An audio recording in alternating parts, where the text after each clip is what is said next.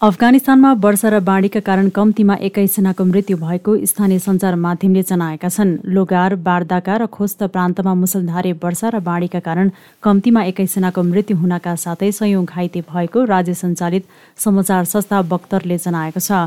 भारी वर्षा र अचानक आएको बाढीका कारण देशको पूर्वी र मध्यम क्षेत्रमा रहेका तीन प्रान्तको ठूलो संख्यामा गाउँ र बस्ती प्रभावित भएको प्रतिवेदनमा उल्लेख छ। प्राकृतिक प्रकोपले सयौं आवश्यक घरहरू पनि नष्ट गरेको छ र छिमेकी तीन प्रान्तहरूमा हजारौं हेक्टर खेत र दशौं बगैँचाहरू प्रभावित भएका छन्। करिब दुई साता अघि अफगानिस्तानको पूर्वी निरुस्तान प्रान्तको एक गाउँमा आएको व्यापक वर्षापछि आएको विशाल बाढीमा परि महिला र बालबालिका सहित चालिसजनाभन्दा बढीको मृत्यु भएको थियो भने कैयौं घाइते भएका थिए। त्यस्तै छिमेकी मुलुक पाकिस्तानमा मनसुनी वर्षासँगैको बाढी पहिरोमा परि कम्तीमा दसजनाको ज्यान गएको छ। गएको चौबिस घण्टा यता पाकिस्तानका विभिन्न स्थानमा भएको निरन्तरको वर्षा र बाढीमा परेर अरू छब्बिसजना घाइते भएको त्यहाँको राष्ट्रिय प्रकोप व्यवस्थापन केन्द्रले जानकारी दिएको हो। सो केन्द्रका अधिकारीहरूले दिएको जानकारी अनुसार पाकिस्तानको दक्षिण पश्चिमी बलुचिस्तान प्रान्त सबैभन्दा बढी प्रभावित भएको छ। सो प्रान्तका अधिकांश स्थानमा बाढी आएको र त्यसमा परेर छजनाको ज्यान गएको छ। त्यसै गरी त्यहाँको उत्तर पश्चिमी प्रान्त खैबर पख्तुनकवामा पनि बाढीका कारण तीनजनाको ज्यान गएको बताइएको छ। त्यहाँका कतिपय व्यक्ति हराइरहेको पनि बताइएको छ। यस त्यहाँ यस वर्षको मनसुनी वर्षा सुरु भएको जुनदेखि अहिलेसम्ममा अति वर्षा र बाढीमा परेर पाँच सय बयानब्बे जनाको मृत्यु भएको बताइएको छ। त्यसै गरी यस वर्षा वर्षाका कारण त्यहाँका करिब एक हजारजना घाइते भएका छन् भने बाढीले हजारौं घरमा क्षति पुगेको छ। युक्रेन र रुसले एकअर्कालाई दक्षिण पूर्वी युक्रेनको जापोरेन्जिया आणविक प्लान्टमा आक्रमण गरेको आरोप लगाएका छन्। उक्त आणविक प्लान्टमा गत साता बारम्बार गोलाबारी गरिएको थियो। जापोरेन्जिया युरोपकै सबैभन्दा ठूलो आणविक प्लान्ट हो। प्लान्टलाई मार्चदेखि रुसले नियन्त्रणमा लिएको छ। उक्त प्लान्टमा सयौं सेना तैनाथ गरेको र हतियार भण्डारण गरेको युक्रेनले रुसमाथि आरोप लगाएको छ। इनर गोदारको सडकमा आफ्नो उपस्थिति सीमित गर्नुहोस्। रुसिया आक्रमणकारीहरूको नयाँ उत्तेजना बारेमा जानकारी प्राप्त गरेका छौं। युक्रेनको आणविक एजेन्सी गोठाले भनेको छ आफूमाथि लाग्दै आएको आरोप रुसले अस्वीकार गरेको छ। युक्रेनी सेनाले प्लान्टमा हमला गरेको रुसी सेनाको दावी छ। चीनको कोभिड शून्य नीति असफल हुँदै गएको छ। पछिल्लो समयमा नयाँ क्षेत्रहरू विशेष गरी तिब्बत र हाइनानका पर्यटन केन्द्रहरू कोरोना भाइरस संक्रमणको चपेटामा परेका छन् भने आकस्मिक रूपमा गरिएको लकडाउनका कारण ती क्षेत्रमा हजारौं पर्यटक अलपत्र परेका छन्। पुराना संक्रमित क्षेत्र हटस्पट बनिरहेका बेला कोरोना भाइरसको संक्रमण नयाँ क्षेत्रमा फैलिरहेको छ। सार्वजनिक आवागमनमा प्रतिबन्ध लगाइएकाले जीविकोपार्जनमा असर गरेको छ। एसियन लाइट इन्टरनेसनलका अनुसार मानिसहरूलाई असहाय बनाउँदै कोरोना भाइरस संक्रमण चीनका नयाँ क्षेत्रहरूमा फैलिरहेको छ। आकस्मिक रूपमा गरिएको लकडाउनका कारण अहिले हजारौं पर्यटक अलपत्र परेका छन्। विडम्बनाको कुरा के हो भने सन् दुई हजार एक्काइसको सुरुमा चीन कोभिड नाइन्टिनबाट मुक्त भएको घोषणा गर्ने पहिलो देश बनेको थियो। कोभिडका कारण पूर्वी चीनदेखि पश्चिम चीनका विभिन्न क्षेत्रमा लकडाउन घोषणा गरिएको छ। कोभिड नाइन्टिनको महामारी चीनबाट सुरु भई जंगलको डढेलो झै विश्वभर फैलिएपछि मात्रै एकजनामा लक्षणविहीन बिरामी रिपोर्ट गरिएको थियो। केही दिन अघि तिब्बतले अठाइस नयाँ संक्रमित फेला पारेको जनाएको छ जसका कारण सो क्षेत्रमा त्रास फैलिएको छ।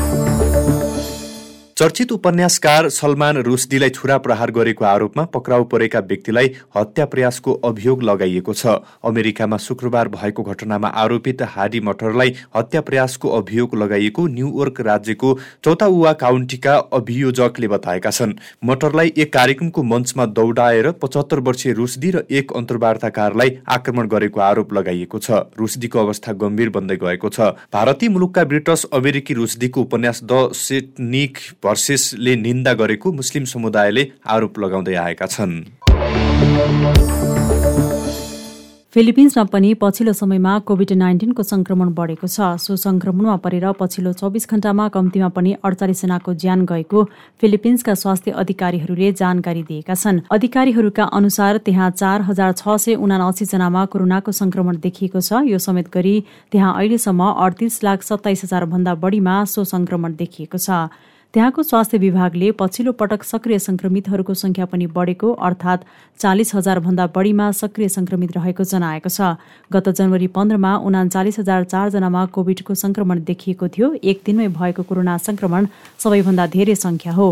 फिलिपिन्समा कोरोना सुरु भएबाट हालसम्म संक्रमणबाट साठी हजार नौ सय बयानब्बे जनाको मृत्यु भएको छ। यसैबीच मलेसियामा पनि थप चार हजार तीन सय चौतिसजनामा कोरोना भाइरसको संक्रमण देखिएको छ।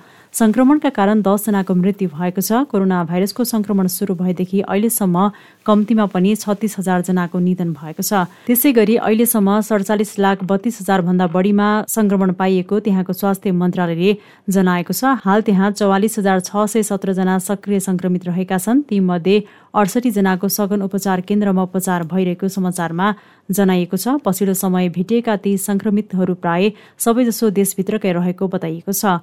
मलेसियाली सरकारले कोरोना विरुद्धको खोपलाई प्राथमिकतामा राखेर लगाउने गरेकाले त्यहाँका संक्रमितहरूमा मृत्युदर भने निकै कम रहेको पनि पाइएको छ। यसैबीच पाकिस्तानमा पाँच सय एकासी जना नयाँ कोभिड नाइन्टिन संक्रमित थपिएका र चारजनाको मृत्यु भएको स्वास्थ्य मन्त्रालयले आज जनाएको छ। मन्त्रालयले जारी गरेको तथ्याङ्क अनुसार नयाँ संक्रमणसँगै देशभर कुल संक्रमितको संख्या पन्ध्र लाख बैसठी हजार आठ सय अठासी पुगेको छ। पाकिस्तानमा कोभिड नाइन्टिन सुरु भएबाट हालसम्म संक्रमणबाट तीस हजार पाँच सय सत्ताइस जनाको मृत्यु भएको छ। हाल त्यहाँ एक सय अठहत्तरजना बिरामीको अवस्था गम्भीर रहेको पनि जनाइएको छ। यता भारतमा एकै दिनमा चौध हजार भन्दा बढी कोरोना भाइरस संक्रमित भएको पाइएका छन्।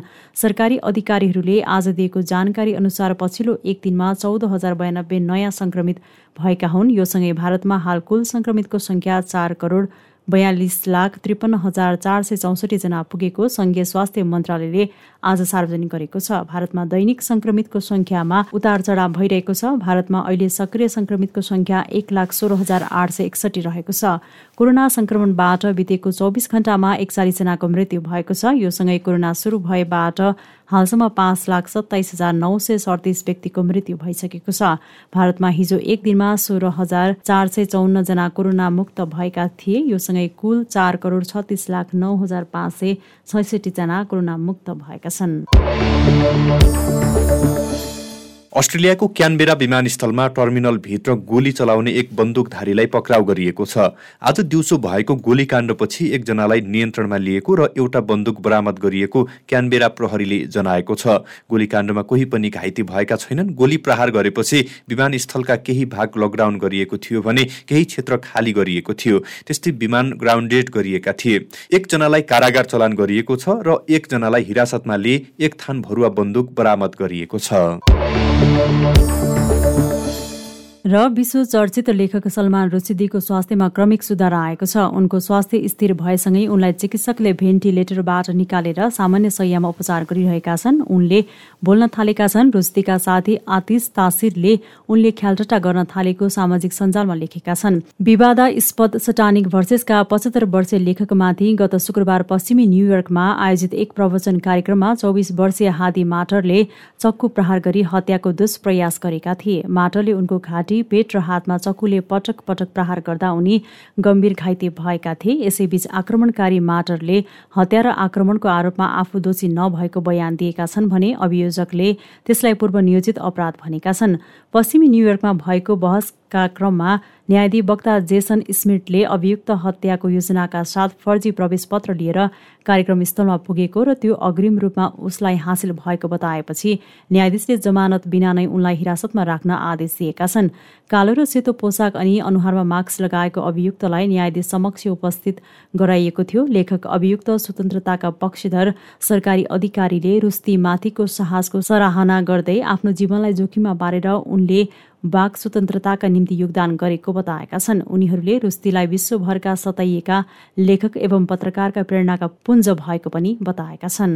लेखक एवं कलाकार कल्पेनले रुस्ती दक्षिण एसियालीका लागि उदाहरणीय एवं आदर्श व्यक्ति हुन् भनेका छन्। स्वतन्त्र र खुल्ला समाजका पक्षपाती रुस्ती सत्य प्रस्तुत गर्न नहिचकिचाउने साहसी सर्जक भएको पनि उनले बताएका छन्। सन् उन्नाइस सय एकासीमा प्रकाशन भएको उनको उपन्यास मिड नाइट चिल्ड्रेनले भारतका तत्कालीन प्रधानमन्त्री इन्दिरा गान्धीको तीक्ष्ण आलोचना गरेको थियो। उक्त कृति सार्वजनिक भएको सात वर्षपछि छापिएको सटानिक भर्सेसले उनलाई विश्वभरमा चर्चाको चुलीमा मात्र पुर्याएन। इरान इरानका तत्कालीन सर्वोच्च नेता आयातोल्लाह रुहोल्ला खोमोनीले उनी विरुद्ध मृत्युदण्ड समेत सुनाएका थिए। सटानिक भर्सेसले इस्लाम धर्म र पेगम्बर मोहम्मदको निन्दा गरेको आरोप छ।